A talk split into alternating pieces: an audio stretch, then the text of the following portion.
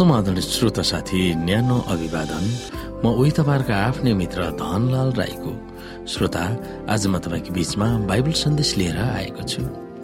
आजको बाइबल सन्देशको शीर्षक रहेको छ अग्नि परीक्षामा नम्र मिजास राखिराख्नु।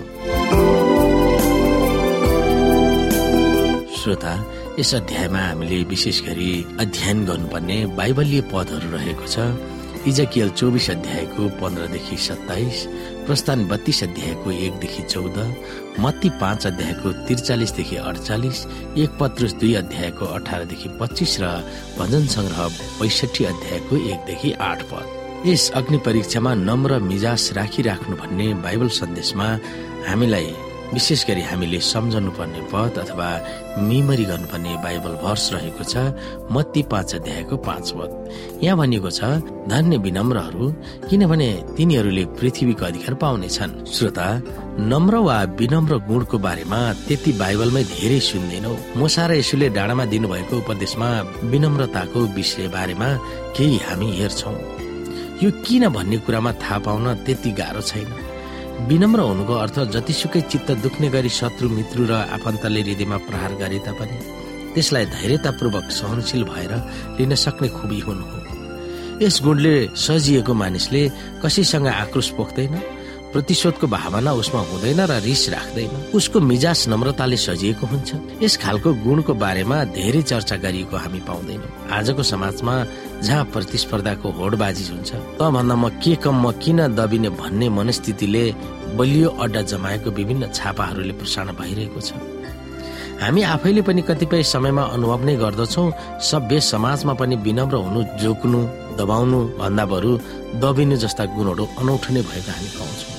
त्यसलाई त झन कमजोर मिजाजको भनेर होच्याइन्छ कहिलेकाहीँ यस विनम्रलाई बाइबलका अनुवादकहरू नम्र वा विनयशील भनेर अनुवाद गर्दछन् तर जे भए तापनि नम्र वा विनम्र हुनु मानव इतिहास वा वर्तमान समाजमा वा सभ्यतामा हुनुपर्ने सम्माननीय वा आदर्श गुण भनेर जोड गर्दैन। तर हेपा अन्याय अत्याचार दुर्व्यवहारलाई धैर्यतापूर्वक सहँदै कुनै रिस नराखी सहनशीलताको गुणको शिखर उदाहरण यसु र उहाँका चेलाहरूले उल्लेखनीय र प्रभावकारी रूपमा देखाएका थिए।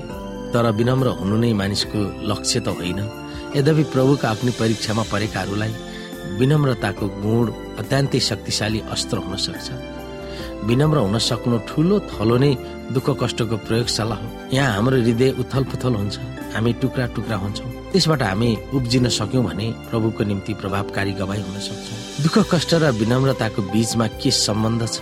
हामी हाम्रै विनम्र र छिया छियाको अनुभवहरूले अरूहरूको निम्ति कसरी प्रबल गवाई हुन सक्छौँ भन्ने कुरा हामी सोच्न सक्दछौँ। यी भक्तहरूको निम्ति विनम्रता कमजोरी होइन बल दिने गुण हो भनेर हामी स्वीकार्न सक्दछौँ। श्रोत साथी हामी अगाडिका कुरालाई अलिकति हेरौँ।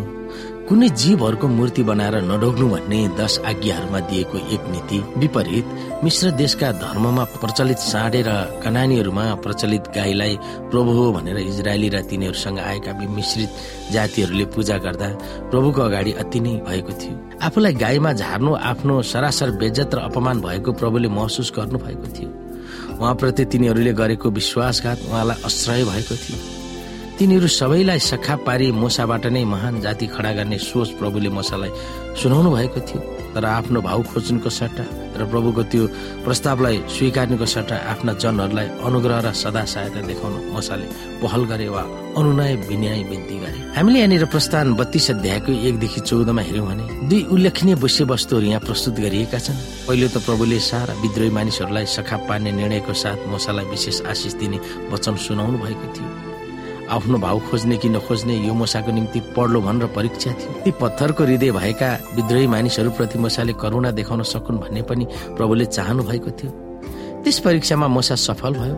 यसुले जस्तै मसाले पापीहरूको निम्ति बिन्ती भाउ गरेका थिए। यसमा एउटा धेरै रोचक विषयलाई प्रकट गरिएको छ। हाम्रो विरोधी वा प्रतिस्पर्धालाई सामना गर्नुपर्ने स्थिति कहिलेकाहीँ प्रभुले हामीलाई आउन दिनुहुन्छ। हामीले अग्नि होममै पनि कहिलेकाहीँ पोल्न दिनुहुन्छ। प्रभुप्रति विस्तृष्ण वा उहाँको विरोधमा सरासर जाने र गाइरहने प्रति उहाँ हामी र हेरिरहने सारा जगतका जीवहरूले हामीमा कस्तो करुणा र सदा सहायता भएको हेर्न मसाले यस्तो परीक्षाको सामना गर्न प्रभुले खटाउन सक्नुहुन्छ। इजरायलीहरू र अयहुदी समूहलाई किन नाश गर्नुहुन्न भनेर प्रभुसँग विभिन्न तर्कहरू मसाले पेश गरेका थिए। तिनीहरू के हुन् हामी हेर्न सक्छौँ यहाँ? उपयुक्त अंशले दोस्रो विषय हामीलाई देखाउँछ। हामीले विरोधीहरूको र खराब मानिसहरूको सामना गर्न दिइने कारणमा हामीमा आश्रय भएको अनुभव अनुग्रह र सदा सहायतालाई देखाउनु भनेर आह्वान प्रभुले गर्नुहुन्छ। मानिसहरू अयोग्य पापी अधर्मी र दुष्ट भएको बेलामा ती प्रवृत्ति तिनीहरूले प्रकट गरिरहेका बेलामा तिनीहरूलाई देखाउन अनुग्रह करुणा र सादा सहायताको आवश्यकता छ। जब आफ्नै दिदी मरियमले उनको आलोचना र उनको चरित्रको विरुद्धमा बोलेकी थिइन् र उनी कुष्ठरोगी भएकी तब त्यस बेला उनलाई निको पार्न मसाले प्रभुसँग बिन्ती गरेका थिए जब कोरा र उसका अनुयायीहरूसँग प्रभु रिसाउनु भएको थियो। र तिनीहरू सबैलाई सखा पार्छु भनेर प्रभु रिसाउनु भएको।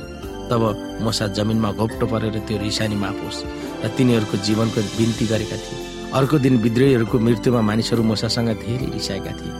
त्यो रिस थाहा पाएर प्रभुले सबैलाई सखा पार्छु भनेर फेरि धम्की दिनुभएको थियो। मुसा घोप्टो परेर तुरन्तै सबैको निम्ति क्षमा बलि चढाउनु भनेर हराएका थिए। आफ्नै नम्रतामा निस्वार्थीपनामा सज्जनपनामा र विनम्र हुने मिजासमा र कडा परीक्षामा अनुग्रहको निम्ति अयोग्य भएकाहरूको निम्ति अनुग्रह सदा सहायता र करुणा खोजेका थिए। श्रोता साथी तपाईँका वरिपरि वा परिवारमा कोही होला जसले तपाईँलाई धोका दिएका होला र तपाईँको चरित्र हत्या गर्न खोजेका होला?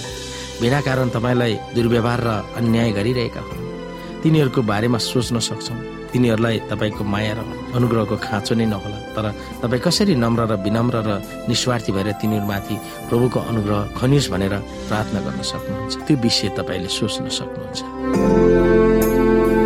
श्रोता साथी आजको लागि बाइबल सन्देश यति नै। हस्त नमस्ते। जय बसिया